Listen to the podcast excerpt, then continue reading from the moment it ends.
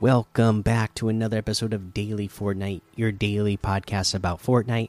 I'm your host, Mikey, aka Mike Daddy, aka Magnificent Mikey.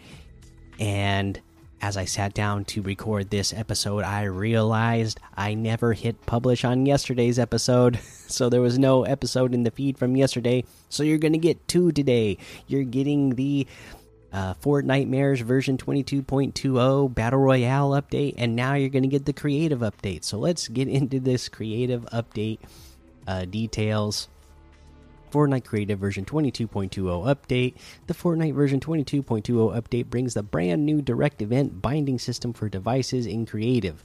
Also, with a new AI Patrol Path Node device, you can create patrol paths for guards spawned from a guard spawner device.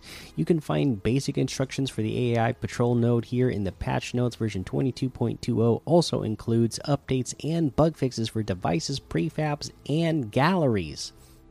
Direct event binding. The version 22.20 update introduces a new system that will completely change the way you build islands direct event building direct event building binding sorry allows devices to communicate directly with other devices using the new UI that comes with this system.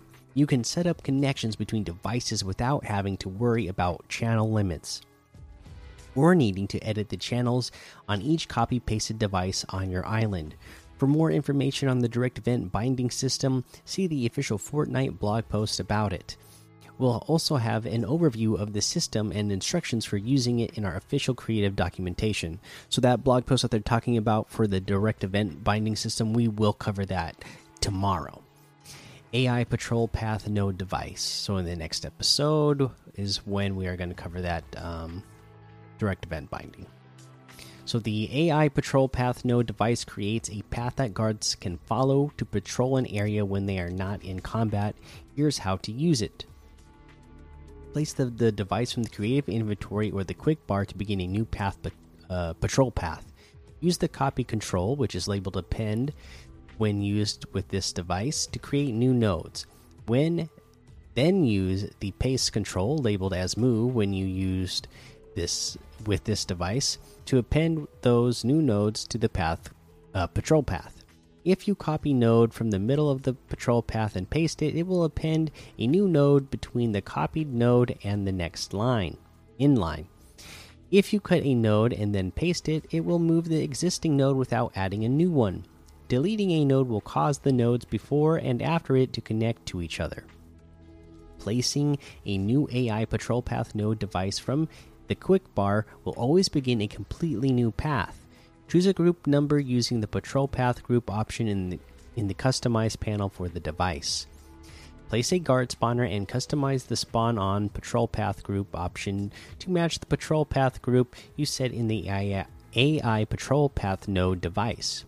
Guard spawn from that customized spawner will now follow the path for their patrol path group when they are not in combat. This is just a basic example. To learn more about this device, check out its page on the official creative documentation site. Other updates is the prefab and gallery updates. They added paradise prefabs and galleries, cloudy condos, classy condos, cloudy condos Nepli's pawn shop, cloudy condos shops A and B, cloudy condos floor and stair gallery, wall and roof gallery.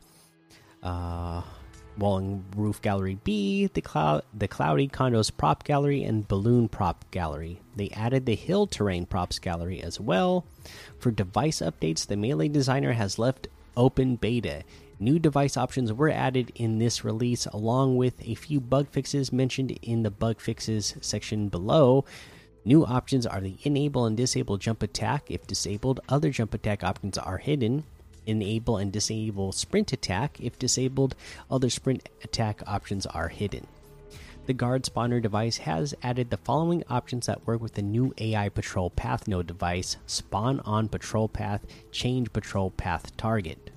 Consumable updates The launch pad is now available under consumables. It can be added to a player's inventory and thrown to place one down mid match. This item is the same as the Launchpad device, but this is an item version that can be given to players like any other consumable item. And then the rest of the blog post is bug fixes. So there you go. That is your uh, version 22.20 creative update. Go check out creative. Lots of good stuff going on over there. Let's take a look at the LTMs that we can play uh, in the game right now.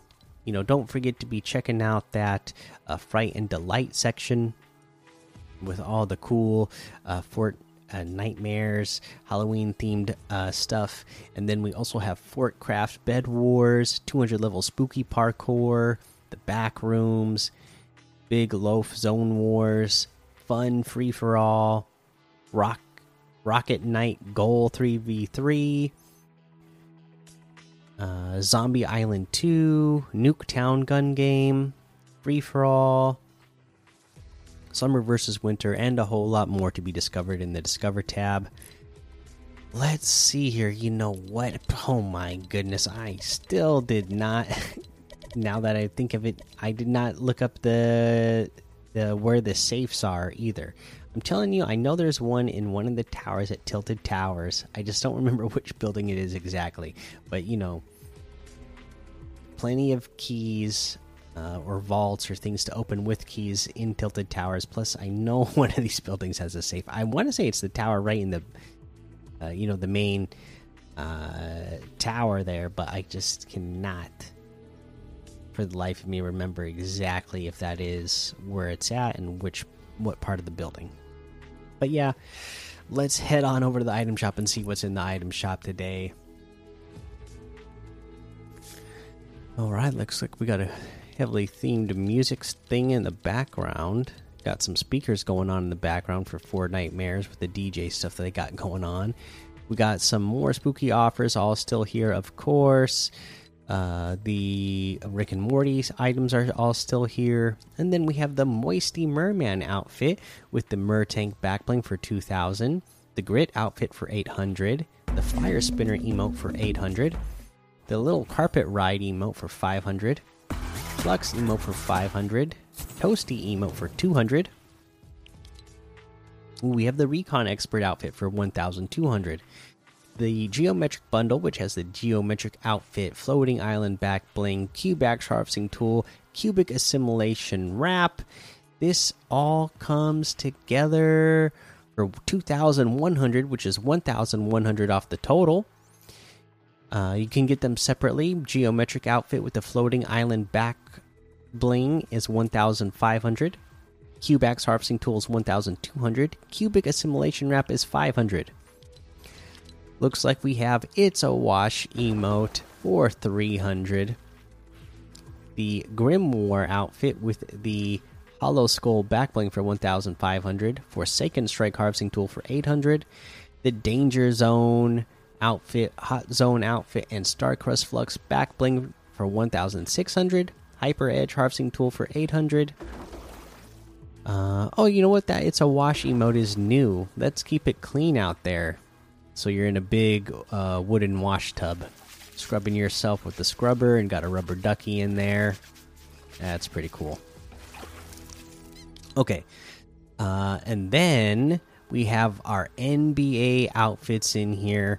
First up, we have the shoot and score pack, which has the mini hoop back bling hook shot toy for 600, the dribbling emote for 500 the NBA Championship Trophy back bling for 400, and then you have bundles of the NBA outfits, 2000 uh for the no oh I already own one of these. So they they're each 3500 in total, which is what 4000 V-bucks off the total. You can get them all separately for 1500. So there you go. Go check those out. These are the ones that you can customize and put your NBA team logo on there. Pretty awesome. All right. Uh, that looks like everything today. So make sure you go join the daily or what am I saying? That looks like everything in the item shop today. So, uh, you know, don't forget to use code Mikey M M M I K I E in the item shop, and some of the proceeds will go to help support the show. All right, now that I'm finishing up this episode, I'm not going to forget to hit publish today. You know, yesterday uh, I forgot to hit publish uh, as I was finishing loading everything up.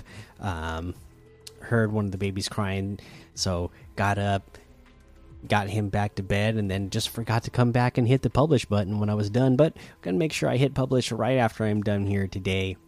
So you're going to have these two episodes in your feeds. Hope you enjoy them. And uh, yeah, that's gonna be the episode. So make sure you go join the daily Fortnite Discord and hang out with us. Follow me over on Twitch, Twitter, and YouTube. Head over to Apple Podcasts, leave a five star rating and a written review for a shout out on the show. Make sure you subscribe so you don't miss an episode. And until next time, have fun, be safe, and don't get lost in the storm.